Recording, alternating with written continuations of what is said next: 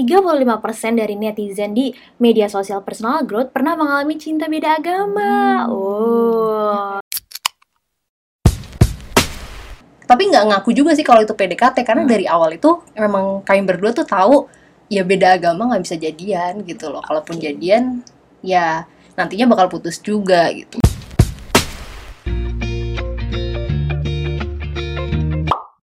Psychologist on the go, talking about daily things that matter to us.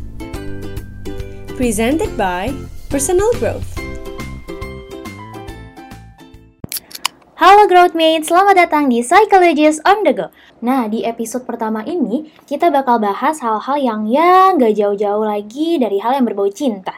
Cinta lagi, cinta lagi. Tapi kalau ngomongin soal cinta, Growthmates nih juaranya. Pasti langsung rame dan semangat deh, ngaku deh ngaku. Sebelum masuk ke inti podcastnya, kita kenalan dulu kali ya. Well, oke, okay, hi, I'm Salsa as your host untuk di episode kali ini. Dan kali ini Salsa nggak bakal sendirian aja, karena Salsa bakal ditemenin sama narasumber lainnya. Hey, hey, siapa dia? Yuk langsung aja, please welcome Kak Belinda Putri. Yeay! Hai Kak Belinda. BTW Growthmates, Kak Belinda ini merupakan beauty blogger loh. Wow, pasti pada penasaran kan mau lihat Kak Belinda secara live? Gak cuma beauty blogger aja, Kak Belinda juga merupakan Master in Child and Adolescent Psychology. Gak cuma itu dua doang, itu dua aja loh. Keren banget kan Kak Belinda juga merupakan co-founder dari Health Skincare. Wah, tepuk tangan lagi, tepuk tangan lagi. Anyway, kita nggak cuma berdua aja di sini karena kita juga bakal ditemenin sama satu narasumber lainnya. So, yang kedua adalah Kak Veronica Adesla. Yeay! Halo Kak Vero. Halo Salsa Kak Vero ini merupakan psikolog klinis dari personal growth. Wow. Oke, hari ini Salsa, Kak Belinda, dan Kak Vero mau ngomongin uh, masalah-masalah yang ada ketika kamu sama pacar kamu menjalin hubungannya nih. Tapi di topik hari ini masalah yang ada tuh cukup menuai pro dan kontra growth mates. So today we are going to discuss about cinta beda agama. Huhuhu, sedih kayak lagunya Marcel tuh yang Tuhan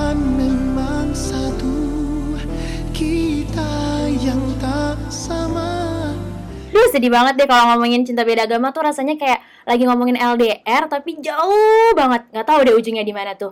Biasanya ini nih justru yang bikin galau. Anyway mungkin dari Kak Vero atau Kak Belinda pernah dengar cerita tentang cinta beda beda agama atau mungkin pernah mengalaminya secara langsung? Kalau aku em, aku ngalamin sendiri sih Wow, Grootmates kita mengundang secara langsung Kak Belinda yang telah berpengalaman di dalamnya. Wow, aku semakin tidak sabar. Nah, Grootmates, sebelum kita ngobrol lebih jauh lagi nih, aku mau bacain dulu hasil polling dan diskusi bareng kita sama teman-teman di media sosialnya Personal Growth. Jadi, kemarin tuh kita habis tanya nih ke teman-teman di media sosial, pernah nggak sih kalian ngalamin cinta beda agama? Dan hasil dari pollingnya itu adalah 35% dari netizen di media sosial personal growth pernah mengalami cinta beda agama. Oh, banyak ya ternyata. Dan gak cuma polling aja nih, kita juga ngadain sharing bareng. Jadi beberapa teman-teman di media sosial personal growth ini sharing cerita mereka tentang pengalaman cinta beda agama tadi. Nah, salah satu ceritanya adalah seperti ini. Aku bacain ya. Aku dan pacarku yang beda agama sudah berpacaran selama kira-kira 3 tahun. Kita sudah saling kenal dan tahu banget kekurangan masing-masing. Kita udah klop banget dan cowok aku pun sudah serius untuk menikah. Dari semua hal kecuali agama, aku udah yakin banget sama dia. Apalagi di Indonesia susah kalau mau menikah beda agama. Orang tuaku sendiri juga berbeda agama, makanya aku tahu banget gimana rasanya punya orang tua beda agama. Mereka sering berantem dan kejadian itu membuat aku merasa seperti anak broken home. Jujur, kalau bisa memilih, sebaiknya jangan menikah beda agama, karena bagaimanapun, agama itu adalah fondasi dari semuanya. Jadi pasti ada perbedaan pandangan yang benar yang benar-benar berbeda. Kondisi ini juga membuat aku merasa nggak dapat pendidikan dasar soal agama. Bahkan aku sering dibully di sekolah karena agama. Sampai sekarang, kita nggak ada kata putus. Kami berdua sama-sama mengerti dan sadar kalau mau nggak mau hidup terus berjalan. Jadi, kami selalu saling support supaya punya kehidupan yang lebih baik ke depannya. Meskipun aku masih merasa sakit hati, mau nggak mau aku harus merelakan dia untuk mendekati orang lain, begitu pula sebaliknya. Oh, sedih. Iya, ya ampun. Tapi ini nggak cuma satu cerita aja sih, aku masih punya cerita lainnya. Masih mau dengerin gak nih? Mau dong. Oke, baiklah. Cerita kedua. Kami sudah melewati tujuh setengah tahun berpacaran yang sangat challenging. Dan sekarang kami sudah menikah selama hampir 10 tahun. Wow! Menurutku, agama itu hanya cara atau metode untuk mengekspresikan kepercayaan kita pada pencipta. Pencipta sendiri cuma satu, tapi panggilannya yang banyak. Pasanganku pun berpandangan yang sama. Jadi waktu pacaran, yang aku lihat bukan agamanya tapi bagaimana karakter orangnya secara keseluruhan. Kebetulan usia kita lumayan jauh, jadi lebih dia lebih dewasa dan matang dalam berpikir, bisa mengarahkanku untuk bertindak lebih logis dan sabar. Dia juga menghormati aku dan orang tuaku, dan dia juga support dalam setiap tindakan positifku, termasuk nemenin aku dalam setumpuk aktivitasku di gereja, padahal dia non-Kristiani. Singkatnya, sebelum aku memutuskan untuk menikah sama dia, aku harus benar-benar kenal dia dan keluarganya terlebih dahulu. Dari pengalaman ini, aku belajar kalau profesi, agama, suku, ras, marga, dan sebagainya itu hanya pelengkap saja. Kalau bisa sama kalau bisa sama, itu bagus, karena dapat meminimalis meminimalkan risiko terjadi konflik. Tapi kalau nggak bisa, bukan berarti penyesuaian diri tidak bisa dilakukan. Hanya saja memang butuh proses dan jangan terburu-buru. Yang penting dan yang paling utama ya karakter atau kepribadiannya itu. Lalu, dalam mengenal orang atau pasangan kita, jangan hanya lewat orang itu sendiri, tapi juga tanya keluarganya atau bahkan teman-temannya, sehingga kita paham dari berbagai sudut pandang. Benar nggak sih penilaian kita tentang dia? Oh wow, ternyata cerita yang kedua ini berakhir bahagia ya. Happy ya. Aduh, seneng Mungkin Kak Belinda sama Kak Vero mau memberi tanggapan cerita ini? Sebenarnya dari dua itu aku ngelihat ada sebagian cerita aku di part 1 sama sebagian cerita aku di part 2. Oh iya. Cuman kan bedanya kalau aku tuh memang jadinya putus. Mhm. Jadi endingnya lebih mirip sama yang cerita pertama. Mhm. Tapi yang pas si cerita kedua dia bilang bahwa dia tuh nggak pernah melihat agamanya, Mhm. tapi dia lebih lihat karakter dan kepribadian orangnya. Itu tuh aku banget. Oh iya, Mm-mm. Sama pasangan kakak pun yang kemarin juga melakukan itu. Mm-mm. Tapi endingnya nggak masih belum bisa bersama. Masih belum bisa bersama. Menarik nih, menarik. Berarti Iya, ada uh. faktor yang kemudian membuat endingnya nggak sama Oke, sama bener, cerita kedua. Oh iya. iya. Boleh nggak nanti digali ya? Oke dong, harus. Nah, ini tujuannya. Oke. Oke, tapi kalau aku ngelihat dari cerita yang kedua ini Hmm. emang ada beberapa uh, hal yang kemudian jadi penting. Satu, Hmm. uh, dia ada penghargaan terhadap sudut pandang masing-masing Oh, iya? dan ada keterbukaan untuk mengenal seperti apa sih kalau di kamu dan seperti apa kalau di saya. Dia juga Hmm. terbuka untuk itu kan Hmm. gitu. Kemudian selain itu juga pendekatan terhadap keluarga, Hmm. mengenal dan sikap baik terhadap keluarga itu kan juga jadi penting gitu. Berarti di dalamnya juga di dalam keluarga juga ada toleransi terhadap uh, agama yang berbeda gitu dan keyakinan yang berbeda. Hmm. Itu sih poin yang bagus sih untuk bisa jalan uh, dengan baik ya untuk hubungan yang cinta beda agama Agama. ini.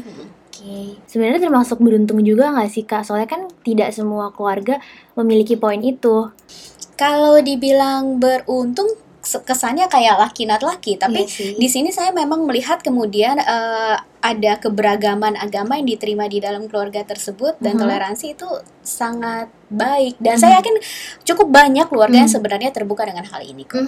Oke oke baiklah. Wow, sangat dibahas secara detail ya teman-teman Growthmates. Oke, nah tadi kan sebelumnya Kak Belinda udah ceritakan ke kita kalau Kak Belinda ini ternyata pernah mengalami secara langsung cinta beda agama. Tuh. Oke, kita mau sharing bareng nih Kak tentang pengalaman dari Kak Belinda sendiri. Boleh, boleh, boleh. Mulai dari mana dulu nih? Mulai dari mungkin coba dijelaskan Kak kenapa bisa sampai mau pacaran beda agama Maksudnya hal-hal yang kayak mungkin Kak Belinda sebelumnya udah tahu belum kalau memang agamanya berbeda? Sebelumnya udah tahu. Oh, nah itu mungkin faktor-faktor apa sampai akhirnya memutuskan untuk pacaran padahal sebelumnya udah tahu. Oke, oke. Jadi aku ceritain awalnya dulu ya. Oke, baik. Jadi aku dan si mantan yang beda agama ini tuh kita tuh sekelas di kuliah S1.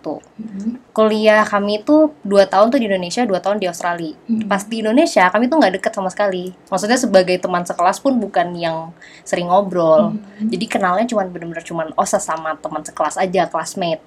Nah begitu pindah ke Australia, eh, jadi sering bareng karena kita satu kegiatan, kegiatannya angklung. Oh, Karena kan dulu tuh Sangat tradisional. sama ya. tadi. Iya, ini selipan ya. Ini tips buat yang nantinya buat S2 mau nyari beasiswa, carilah kegiatan yang bisa eh, mengenalkan budaya Indonesia di luar negeri gitu. Pokoknya ada nilai-nilai nasionalismenya karena itu sangat menjual untuk di aplikasi beasiswa. Nah, itu tujuan kami waktu itu juga sebagian karena itu karena kita pengen supaya kita punya kegiatan yang ada sisi nasionalismenya gitu kan. Jadi kami ikut angklung terus jadi sering bareng kan. Em, terus karena dia tuh memang orangnya jadi dia waktu nganterin saya pulang tuh bukan karena dia mau deketin tapi memang dia orangnya baik. Memang gentleman gitu loh tipenya yang memperlakukan perempuan tuh dengan baik gitu. Tapi jadinya jadi sering jalan terus di jalan ngobrol. Terus ternyata kok obrolannya nyambung cocok gitu kan. Itu posisinya kami berdua sama-sama jomblo tuh waktu itu. Oh, jadi sambil cerita juga soal pengalaman relationship sebelumnya terus ternyata banyak kemiripan. Oh, oke. jadi kayak semakin nyambung ya kan? Terus karena asik ngobrol eh, ketemu ngobrol. Terus di waktu itu masih BBM deh kayaknya. Oh wow, BBM tahun berapa itu? Oh, 2013 aku masih SD ya BBM. masih baru peralihan menuju per iPhonean itu. Oke. ya. kita ngobrol-ngobrol-ngobrol terus akhirnya eh, sering misalnya eh makan bareng ya udah dari situ lama-lama jadi sering hangout terus nonton kayak gitu gitulah jadi kayak semacam tapi nggak ngaku juga sih kalau itu PDKT karena dari awal itu memang kami berdua tuh tahu ya beda agama nggak bisa jadian gitu loh. Kalaupun jadian ya nantinya bakal putus juga gitu. Padahal awalnya tuh ngerti tahu Hmm. tapi karena udah makin sering em, Bersama, mm-mm, nyaman, gitu. nyaman terus nyambung. Terus em, aku tuh bukan tipe orang yang eh, cepet gitu loh nyampe deket sama laki-laki oke. atau suka sama laki-laki tuh Oke, oke. eh, apa susah tapi Hmm. sama dia tuh kayak effortless banget gitu Hmm. Eh, langsung nyambung aja nah akhirnya em, udah sekitar hampir setahun deh kayaknya Setahun. Heeh, de- eh, tanpa status terus mikirnya gini waktu itu kayak kita udah kayak orang pacaran sih sebenarnya maksudnya intensitas ketemunya terus perhatiannya Mhm. terus ya udahlah jadian aja kali ya gitu Oh, jadi jadinya cuma cuma kayak oh Daripada daripada HTS nggak jelas ya. Iya, iya, iya. soalnya kan dianya concern kalau aku deket sama orang lain aku juga nggak Oh. suka kalau dia deket sama orang lain Oh. jadi kayak pengen supaya ada official jelasnya gitu loh kita tuh apa gitu kan Eksklusif komitmen. eksklusif gitu ya, komitmen oke. bener banget akhirnya ya udah dengan tanpa pertimbangan ke depan sama sekali kayak bener-bener ya udahlah Yaudah. jadian aja dulu gitu Hmm. terus ternyata malah Lanjut. lanjut Mm, karena memang cocok kan karena Hmm. memang awalnya itu kita deket juga karena natural aja gitu Hmm, bukan karena emang mau deketin gitu betul bukan lah ya. mm. Oke. terus malah malah eh, awet tapi memang begitu orang tua tahu Mhm. mereka memang menyarankan untuk udah Iya. Ah, Ini kejadiannya sebenarnya berapa lama sih jadinya? sebenarnya jadiannya itu yang official kita jadian tuh dua tahun mhm. yang sampai bener-bener maksudnya si orang tua tuh udah suruh udah gitu tapi setelah itu masih on off Hmm. tanpa tanpa status lah gitu Dua tahun tuh tadi sama yang satu tahun pertama. yang pendekatannya Pendekatannya. Mm-mm. Oh, wow, lama juga. Se- Tapi- iya Terus setelah orang tua Kak Belinda suruh, oh udahlah gitu, Kak Belinda diam, eh, Kak Belinda masih diam-diam melanjutkan hubungan itu. iya sebenarnya iya kayak dibilang backstreet nggak juga sih karena Hmm. kemudian frekuensinya juga menurun drastis kan jadi nggak Hmm. kayak orang pacaran juga gitu karena memang kita menghormati eh, mandat orang tua kita untuk putus ya udah kita putus gitu kan Oke. cuman memang masih masih sering ya misalnya jalan atau ngobrol Hmm. lewat chatting tuh masih sering gitu Berarti kalau dari situ udah mulai kerasa lah ya duka-dukanya, sedih-sedihnya pacaran beda agama gitu. udah udah banget dan waktu ditegur juga aku posisinya gimana ya nggak bisa yang nge-rationalize balik ke orang tua Hmm. gitu loh kayak mereka bilang nggak bisa karena akan susah segala macam segala macam aku juga diam karena kayak iya Ah. juga sih bener gitu aku aku setuju sama mereka gitu jadi nggak bisa istilahnya nggak bisa ngelawan lah gitu nggak bisa kayak memperjuangkan gitu aku bilang sih kalau Hmm. kalau si mantanku ini orangnya baik banget apa segala macam segala macam pokoknya kenapa alasan kenapa aku bisa klop sama dia tuh aku jelasin semua Hmm. tapi ya memang em, menurut orang tuaku ke depannya akan sulit. Mhm. dan kalau misalnya dia nggak seagama sama aku nggak nggak dikasih restu jadi ya mendingan udah kata dia gitu. Mungkin bromance perlu tahu kali ya pertimbangan dari orang tuanya Belinda ini apa aja yang kemudian memang tadi Belinda sendiri ngomong kan kalau ya emang bener sih gitu Hmm. apa sih gitu sebenarnya itu karena orang tuaku juga beda agama jadi ibu Oh. sama ayah aku tuh beda agama Oh, wah. tapi akhirnya ibu aku pindah ke agama ayah aku Hmm. dan mereka tuh sempet hampir mau split gara-gara permasalahan beda-beda ini Oh. mungkin karena itu kali ya jadi mereka takutnya aku ntar mengalami hal yang sama terus kemudian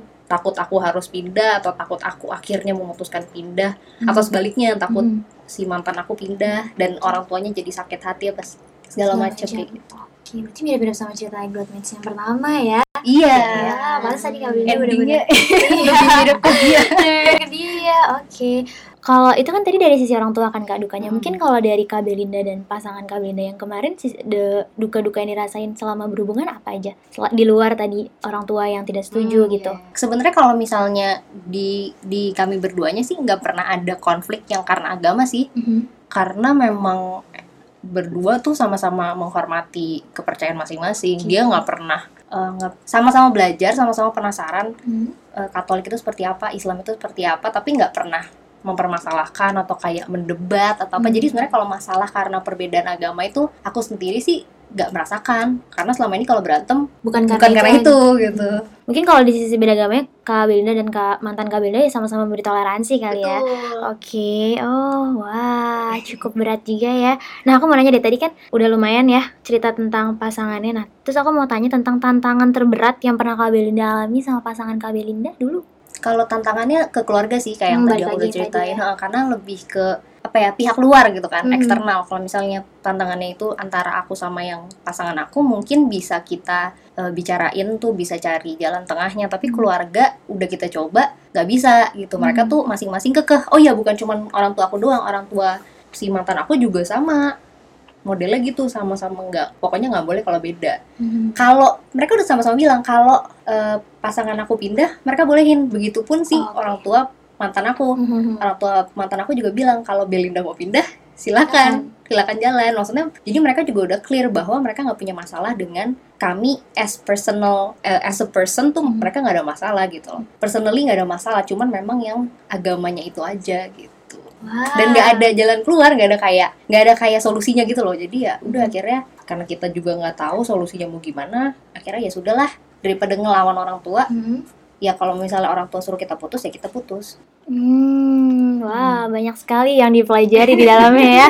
Karena aku nggak pernah mengalami, jadi aku dengerin ceritanya kayak, wow ternyata cukup berat ya. Wah, nah nih kak kan maksudnya apa yang Kak Belinda dapat pasti jauh lebih banyak kan dibandingkan aku karena aku tidak pernah mengalami itu. Nah aku mau tanya sekarang, kayak dari hubungan yang kemarin beda agama itu ada nggak sih pelajaran yang bisa Kak Belinda ambil di dalamnya atau mungkin ada value-value baru yang Kak Belinda dapat atau cara pandang Kak Belinda melihat relationship ke depan itu bagaimana gitu? Hmm, sebenarnya kalau pelajaran yang dapat menurut aku eh, lebih ke aku jadi kenal aku ini orangnya seperti apa sih.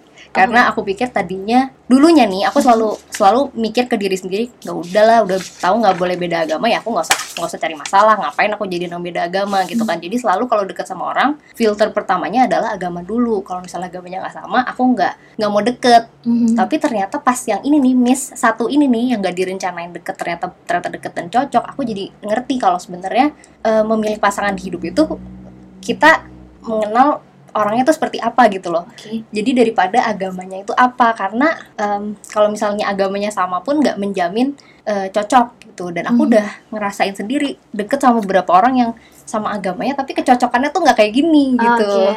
dan aku juga belajar kalau sebenarnya gini ya em, ini beda-beda sih cuman kalau aku mikirnya hidup itu kalau misalnya nggak ada restu orang tua nggak akan bahagia gitu loh jadi Hmm. meskipun aku tahu si mantan aku ini paling cocok sama aku maksudnya mereka dari semua pasangan yang pernah aku jalanin dia yang paling cocok tapi kalau misalnya orang tua nggak setuju Hmm. aku juga kayak ada ganjelan gitu loh jadi Hmm. ya ke depannya aku belajar untuk kalau ada orang deket sama aku atau berusaha deket langsung ke orang tua dulu filternya jadi kalau misalnya mereka go or no go kalau misalnya mereka go baru aku deket kalau enggak Oh. enggak untuk ngurangin konflik ya. iya Hmm. benar jadi berusaha untuk ya jangan masuk jangan jatuh ke Jangan- lubang yang, yang sama. sama lagi. Oh, Oke, baiklah. Oh, wow. Ternyata semakin sulit karena semakin jumlah eh, populasi eh, Katolik itu cuma 2% ya di Wah, aku Indonesia ini Wah, aku baru tahu. Jadi otomatis. Dari jadi otomatis eh, kecan saya sudah semakin iya, sempit. semakin gitu. Oh, oke baiklah. Sekarang mungkin dari Kak Vero sebagai psikolog mau memberikan tanggapan terhadap cerita dan jalan cerit- hidupnya Kak Belinda yang barusan. Yang pasti I'm so sorry ya Bel. Eh, pengalaman hidup kamu begitu ya men- men- ada sedihnya, ada Iya, happy-nya, bener. semua campur jadi satu dan mix Bener. gitu. Tapi eh, ada poin-poin yang saya tangkap bahwa value setiap orang kan memang beda-beda. Again, Hmm. tadi eh, Bel akhirnya yang yang diprioritaskan adalah eh, restu dari orang tua Hmm. gitu. Bener. Itu yang number one. Hmm. yang number two saya rasa saya tahu udah eh, kecocokan dengan pasangan Hmm. itu number dua tuh di situ tuh Benar. walaupun eh, itu penting juga untuk Bel gitu ya Em, di di Indonesia ini memang banyak yang kemudian eh, keluarga tuh nggak bisa terlepas dari kehidupan percintaan kita pernikahan kita gitu. Sehingga akhirnya waktu kita mengambil keputusan apakah iya jalan sama dia atau enggak kita harus selalu eh, nanya juga nih ke keluarga gitu. Oke nggak sih orangnya gitu? Mereka merestui nggak sih gitu? Bukannya saya sih bukannya mau menakutkan tapi eh, beberapa kasus yang datang ke saya itu dengan mereka tetap berjuang walaupun tanpa restu gitu ya itu susahnya susah banget. Akhirnya kemudian bisa diterima dengan keluarga itu ketika mereka sudah punya anak. Dan kemudian itu pun mencoba mendekatkan anaknya. Di awal-awal oke o- uh, orang tuanya ya udah anaknya main sini tapi kamu nggak usah masuk. Oh, jadi kayak cu- dia nggak mau cucunya gitu ya. Jadi setiap minggu dateng gitu Oh. cucunya diajak main tapi mereka nggak boleh masuk. Awal-awal begitu tapi lama kelamaan dengan dengan penuh konsistensi dan eh, ini ya apa gigi terus eh, akhirnya Gigi akhirnya baru mulai diterima masuk gitu. Menantunya diajak masuk boleh makan bareng segala macam gitu. Tapi itu perjuangannya luar biasa. Nah artinya kan dalam dalam sepanjang pernikahan itu pun mereka harus terus menghadapi eh, yang namanya konflik dalam diri juga ya. Maksudnya kan nggak enak banget kalau jalan tanpa ada restu, Restu. gitu. Tapi itu pilihan yang kemudian diambil. Jadi masing-masing tetap punya pilihan again. Mungkin di di klien saya itu yang memang number one adalah ketika dia dapat pasangan yang bisa uh, cocok dan bisa ngerti dia dan bisa berjalan hidup bareng itu lebih ringan untuk dia ya mungkin juga gitu. Jadi jadi nggak nggak apa-apa juga gitu. Tapi sadar aja akan ada adanya konsekuensi ini gitu. Uh, saya sih salut dengan Bel karena kemudian dalam kondisi demikian dia dia bisa mengambil keputusan tersebut dan saya rasa menjalaninya dengan walaupun nggak mudah pasti tapi kamu menjalani dengan cukup tegar gitu loh. Itu sih kayak lagunya Rosa ya Oh, sekarang ganti lagu. Rosa bener Dari dari, era dari, dari yang tadinya sedih-sedih kan ada tegar. Tegar.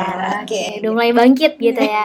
Nah, kalau ngomong soal bangkit nih Kak Belinda, Iya. kita sekarang eh, aku nih kepo banget sama cara gimana sih cara Kak Belinda? Kan Kak Belinda pasti putus bukan karena kemauan Kak Belinda dan mantan Kak Belinda dong. Maksudnya kayak karena memang harus putus dan itu pasti nggak gampang kan buat Kak Belinda. Gak gampang. Nah itu aku mau tanya gimana cara Kak Belinda deal sama perasaan yang masih sedih gagal move eh, bukan gagal move on maksudnya cara-cara move onnya gitu loh. Berat sih. Apalagi pas awal-awal tuh aku nangis terus. Oh jadi mau nangis sekarang sekarang.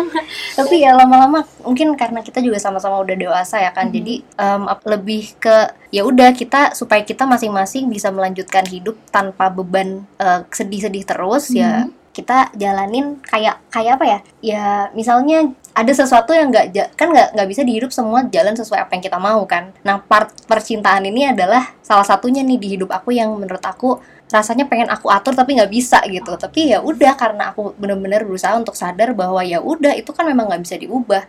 Akunya nggak mau pindah dianya juga nggak mau pindah terus kita juga nggak mau saling maksa kita nggak mau nyakitin orang tua udah bener-bener sadar gitu loh bahwa keputusan itu tuh kita yang ambil. Meskipun itu disuruh tapi kita sadar itu keputusan yang perlu untuk diambil. Jadi ya udah lama-lama ya tetap sed- sedih tetap em, tetap- kalau keinget tetap sedih tapi ya bisa bisa apa ya em, tetap jalan. tet- tetap menjalani hidup tuh dengan baik gitu loh. Jadi bukan yang berlarut-larut kesedihannya. Terus gak bisa deket sama orang lain gak juga. Aku tetap membuka diri untuk deket sama orang lain dia juga begitu. Kita juga nggak ada kayak lo nggak boleh deket sama orang lain.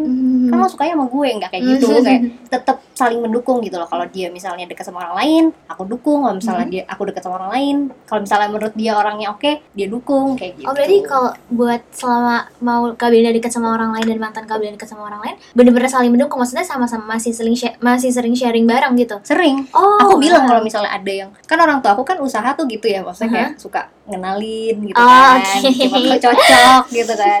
Ya aku cerita begitupun dia kalau misalnya orang tuanya bilang eh kamu kenalan dong sama ini gitu. gitu. ya udah dia cerita juga. Jadi sebenarnya lebih kayak apa ya em, karena kita kan juga udah sama-sama tahu gitu loh itu salah jadi atau nggak jadi. Nah kalau nggak jadi kan berarti dia sama orang lain aku sama orang lain. Iya. jadi lebih baik eh, tahu prosesnya sih daripada tiba-tiba dia jadi sama orang, Orang lain aku lebih lebih mendingan dia cerita aja meskipun agak-agak pedih-pedih gimana. Jadi istilahnya kayak lebih prepare gitu kali Iya, ya. Kalau iya. misalnya kalau misalnya nggak tahu kan, duh, iya tiba-tiba shock gitu kan. Kalau ini Iya. kan udah tahu prosesnya. Jadi oh, Tapi penting sih di sini untuk mungkin di highlight ya sama teman-teman Growthmates bahwa eh, cinta itu ini kalau kayak lirik lagu memang sometimes itu nggak harus memiliki. Benar. Gitu dan sometimes kita harus sama-sama mendoakan yang terbaik untuk masing-masing. Betul. gitu. Jadi kalau memang yang terbaik adalah melepaskan mengikhlaskan bahkan mendoakan untuk dia menemukan yang bisa menemani hidup dia kita juga nggak ngomong yang lebih baik dari gue. Kita nggak Oke, tahu kan. oke. never know tapi yang penting Iya. apa, apa yang terbaik untuk dia? Dia cocok kamu cocok Hmm. bisa jalan sama-sama tetap ber, ber- bertambah tua bersama tapi tidak bersama sebagai pasangan. Pasang. Itu lebih nice walaupun ya dalam perjalanan kamu pasti ada itu tadi ya itu awal-awal sih masih cuman kalau sekarang udah lebih udah lebih nggak apa-apa gitu. Udah lebih nggak sesedih awalnya gitu lah iya Ah, benar benar banget sekali. Oh, sedih. Nggak boleh sedih dong. ya sendiri kita kita kita harus paham kan bahwa Hmm, cinta tuh benar, yang segitu dalam sometimes itu ya begitu gitu Oke. Oke deh. Nah, aku mau nanya nih. Tadi kan Kak Vero sempat dapat klien juga yang akhirnya dia mereka memutuskan untuk bersama walaupun tadi belum dapat restu dari keluarganya segala macam lah. Nah, ini eh, mungkin Kak Vero ada tips atau bagaimana cara mempertimbangkan kalau misalnya oh oke, aku mau maju nih sama dia gitu. Hal-hal yang harus dipertimbangkan untuk memperjuangkan cinta beda agamanya tadi. ini sebenarnya yang harus benar-benar dipertimbangkan adalah konsekuensi dan Hmm. apa satu dulu satu adalah apakah memang benar dia orang yang tepat untuk kamu Hmm. kedua konsekuensi apa yang harus ditanggung bila memang tetap meneruskan pernikahan tanpa ada persetujuan dari keluarga loh ya. Kalau ini kasusnya kan tadi tidak ada persetujuan. Jadi disetujui kalau dengan catatan ya pindah ke ngikut ke salah satu agama dan itu kan kemudian pribadi masing-masing baik Belinda maupun eh, mantannya ini kan tidak mau melakukan itu. Again karena keyakinan tidak dapat dipaksakan gitu ya. Nah, dua hal ini sangat penting untuk dipertimbangkan gitu. Kalau misalnya tadi faktor keluarga ternyata sudah tidak ada masalah, ada hal lagi yang ketiga yang harus dipertimbangkan. Konsekuensi itu nggak cuma itu. Konsekuensi bicara tentang masa depan. Bicara tentang bagaimana kemudian ketika mereka melanjutkan ke dalam hubungan pernikahan, itu pasti juga banyak hal yang muncul di sana. Tidak hanya mengenai agama, agama tentu. Agama tentu dalam arti kalau misalnya nanti punya anak, anaknya mau dididik dengan agama apa? Mhm. Kemudian apakah langsung kalau Katolik ada pembaptisan gitu kan, apakah langsung dibaptis atau tidak gitu. Sementara di dalam kalau kita ngomongin juga di gereja tuh ada juga yang menuliskan bahwa kalau kamu menikah walaupun pasangan kamu bukan Katolik, anak kamu harus dibaptis. Ada gitu. Nah, itu tuh itu hal-hal gitu perlu dipikirin, perlu dibicarakan dengan baik gitu kan. Eh, tadi saya bilang tidak hanya agama, nilai-nilai di dalamnya. Ada nilai-nilai juga yang diajarkan kan oleh agama gitu. Itu kita discuss juga apakah kemudian itu bisa saling dikompromikan Mhm. atau tidak gitu. Dan sejauh mana dia eh, menangkap nilai-nilai tersebut dan menanamkan di dalam eh, kehidupannya gitu. Mana yang kemudian bisa berbarengan mana yang kemudian sebenarnya kadang-kadang sering kali jadi slack nih jadi Hmm. berantem gitu. Itu harus dinotis dari pacaran dan kita harus dibicarakan ke depannya gitu Kem- ya banyak hal yang kemudian harus dicermati baik-baik ya sebelum sebelum menikah gitu berangkat pokoknya dari hal-hal kecil yang kalian temukan dalam waktu masa pacaran hal-hal yang mungkin sering kali bisa membuat kalian berselisih paham hal-hal yang mungkin membuat kalian berantem itu justru harus didiskusikan dengan matang dan masa depan anak keluarga segala macam Oke. Berarti intinya adalah eh, komunikasi ya kak. Maksudnya saling keterbukaan, gimana eh, mengatasi masalah, terus toleransi yang ada gitu. betul dan mikirin jangka panjang Nah, depan apa yang harus dihadapi gitu. Heeh. Berat ya ternyata. contoh sederhana deh saya saya sambungin lagi contoh Hmm. sederhana kalau misalnya eh, kalau pakai bel ya Mhm. itu kan ada lebaran Oh, nanti iya. ada yang namanya Natal Oh iya. Eh, terus nanti ada kegiatan-kegiatan gereja ada kegiatan-kegiatan juga yang eh, kasidahan atau apa pun itulah ya Hmm. maksudnya. Nah ini boleh nggak di rumah misalkan? Hmm. contoh kan suka ada kegiatan di rumah tuh. Tuh terus boleh nggak nanti ikut ada pesta Natalan di rumah ada yang datang ke rumah kayak gitu-gitu loh. Itu kan hal-hal small thing kesannya small thing. Tapi kalau itu kemudian berlanjut terus menerus itu kan bisa jadi gesekan terus-terusan kan gitu. Kalau ternyata nggak ada kesepakatan terus jadi lama-lama merasa kenapa sih kok gue jadi eh, iya kesannya jadi kesannya jadi nggak boleh gitu Iya. untuk melakukan apa yang sebenarnya gue yakin gitu. Itu kan jadi problem nantinya gitu yang kayak gitu-gitu tuh Oh wow. Berarti harus benar-benar dipikirkan matang-matang ya. Iya. Perjalanannya pasti panjang ya.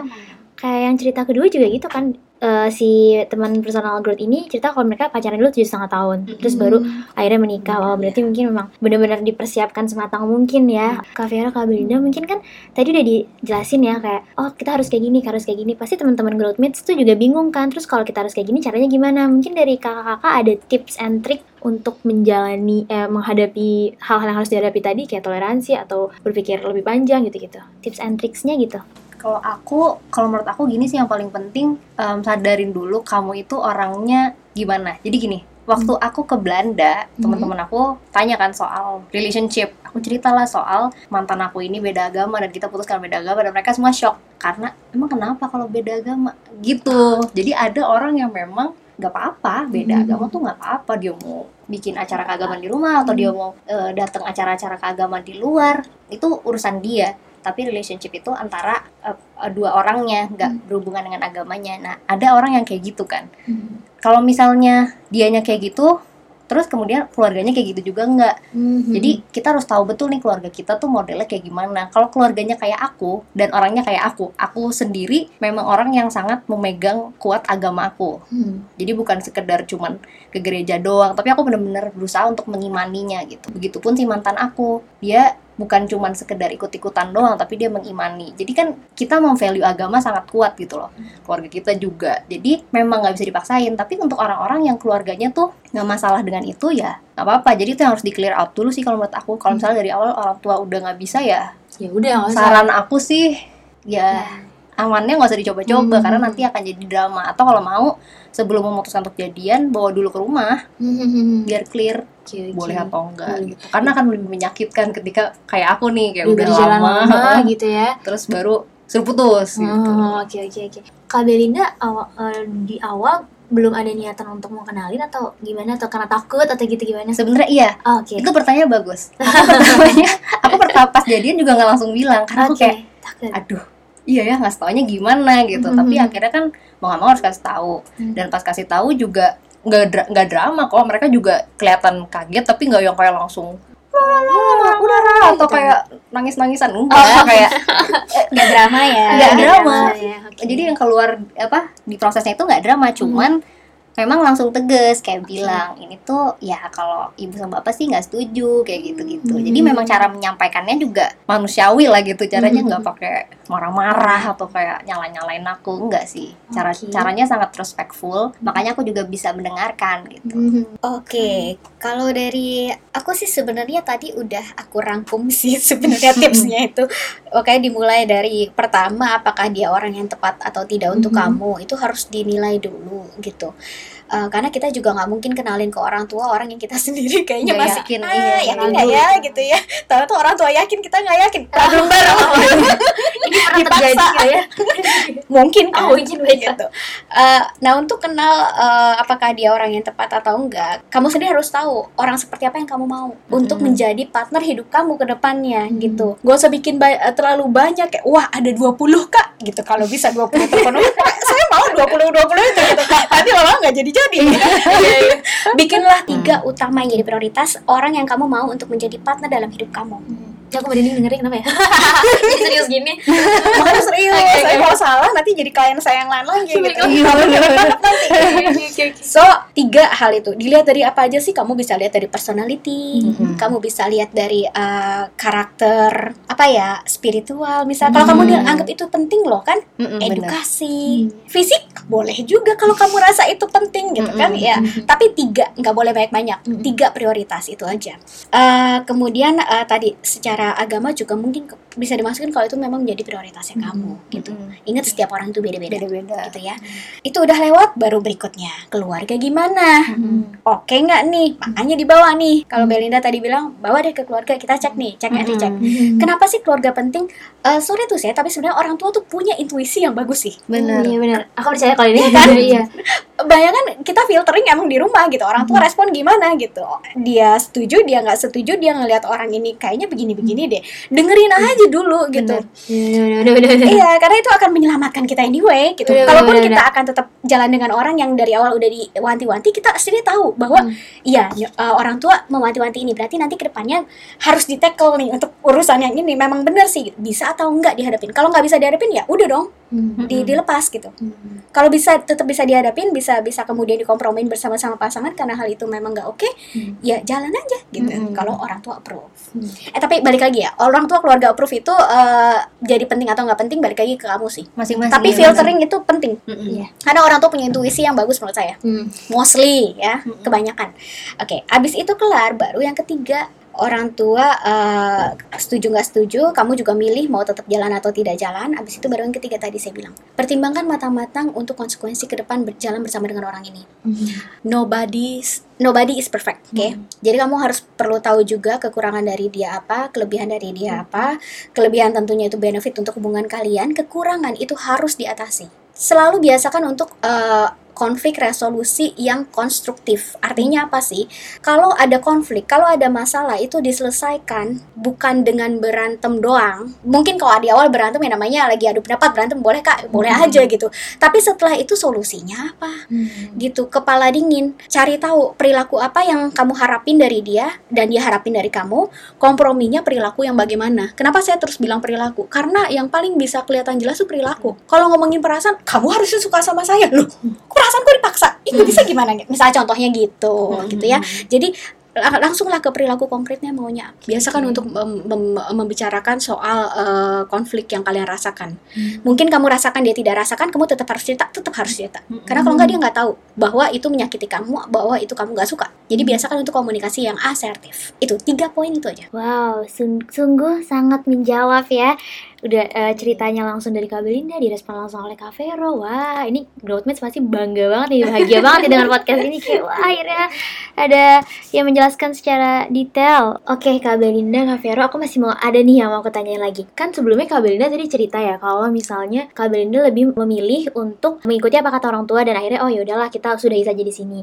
Tapi kan tidak semua hubungan beda agama itu seperti itu. Ada beberapa orang yang mungkin pilih lanjut dan akhirnya memilih untuk pindah ke agama yang lain gitu. Mungkin dari Kak Belinda dan Kak Vero punya pendapat atau sisi pandangnya. Kalau aku aku mau nyeritain yang ibu aku aja ya karena kan Oke. beliau kan pindah kan. Mhm. Itu adalah keputusan yang sadar bukan karena dipaksa dan bukan karena berkorban. Mhm. Jadi memang dia dia yang berusaha mengenal agama eh, papaku, Hmm. terus kemudian dia eh, jatuh cinta dengan ajarannya, jadinya memutuskan untuk pindah. Bahkan papaku tuh bukan ngajarin, dia sama sekali enggak. Jadi prosesnya ini adalah ketika papaku lagi di Amerika untuk kerja selama enam bulan dan mamaku tuh selama enam bulan itu justru dia belajar. Nah kemudian pas em, sebelum papaku pulang, dia waktu itu zaman dulu masih pakai surat. Dia kirim surat kalau dia mau pindah. ya Iya, dia mau pindah agama terus Hmm. dia bilangnya baru ke papaku doang terus habis dia bilang ke papaku papaku langsung kayak wah bahagia banget lah pokoknya pastilah ya. Terus baru dia ngomong ke orang tuanya. Mhm. mamaku bilang ke orang tuanya. Surprisingly karena mungkin karena memang approach yang diambil sama mamaku juga benar dan dia menunjukkan kalau dia sudah mempelajari dan ini adalah keputusan dia sama sekali nggak ada paksaan. Akhirnya si nenek kakekku tuh memberikan izin untuk dia pindah. Cuman mereka mewanti-wanti orang tetangga-tetangga sama omongan tetangga. Itu Hmm. lebih pedes gitu kan.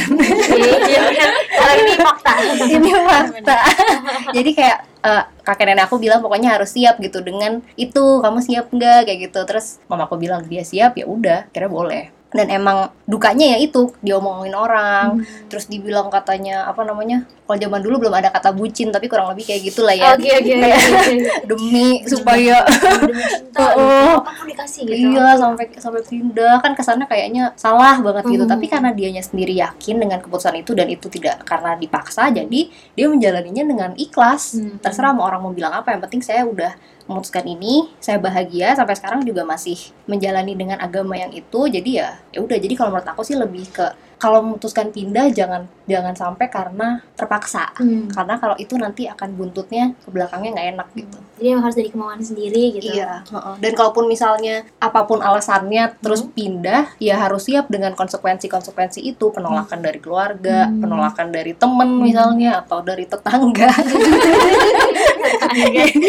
Harus udah benar-benar siap gitu.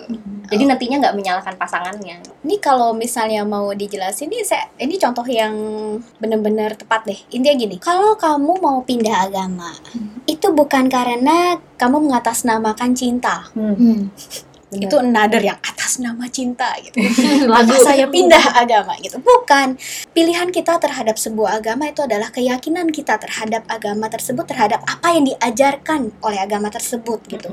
Itu akan membantu kita untuk menjalani hidup dengan lebih tenang, dengan lebih contentful, dengan lebih feeling sejahtera gitu. Karena kita sekarang punya guidance dalam hidup kita. Itu kan salah satu uh, yang diajarkan oleh agama dan ajaran dari satu agama dengan agama lain bisa berbeda. Kayak cocok-cocok cocok-cocokan. Mana yang lebih cocok gitu? Walaupun satu ya kita bilang Tuhannya satu penciptanya satu. Tapi jalannya itu macam-macam. Kita mau ke satu tempat kita mau bisa lewat A B C.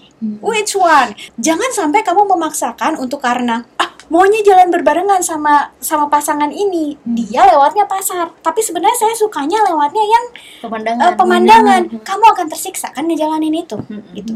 Dan sepanjang jalan selama kamu tersiksa kamu akan ini karena gue sayang sama lu makanya gue ambil jalan ini. Oh, maka lu harusnya oke. berterima kasih sama gue jangan terlalu banyak cincong. Oh, jangan oke. terlalu banyak mengeluh. Ah. lu harusnya gue udah berkorban segini banyak buat lu.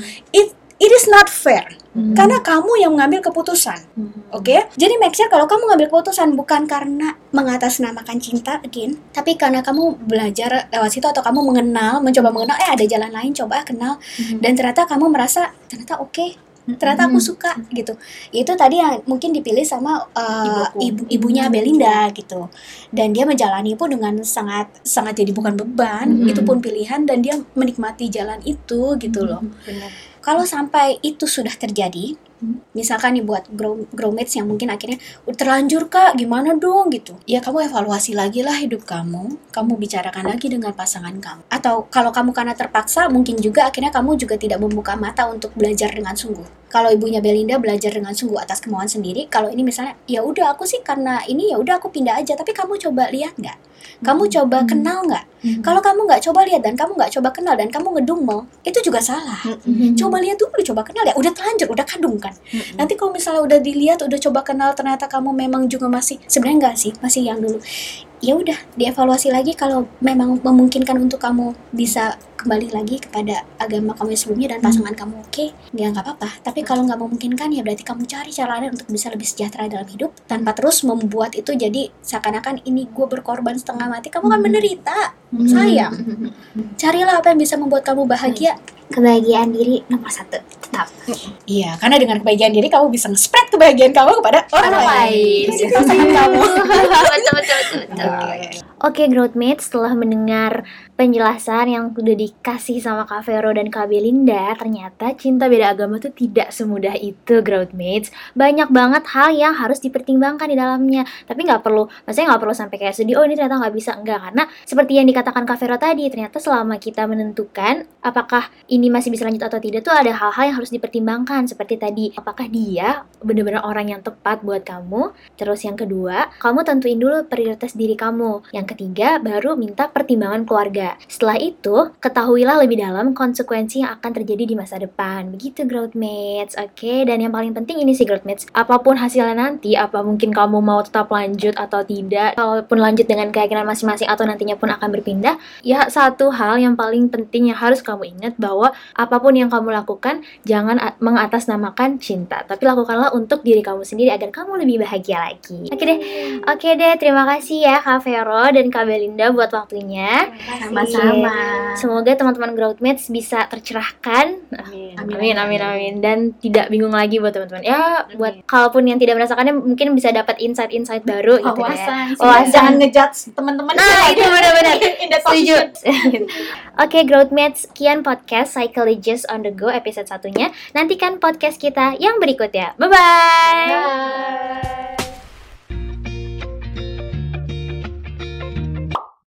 Psychologist on the go, talking about daily things that matter to us. Presented by Personal Growth.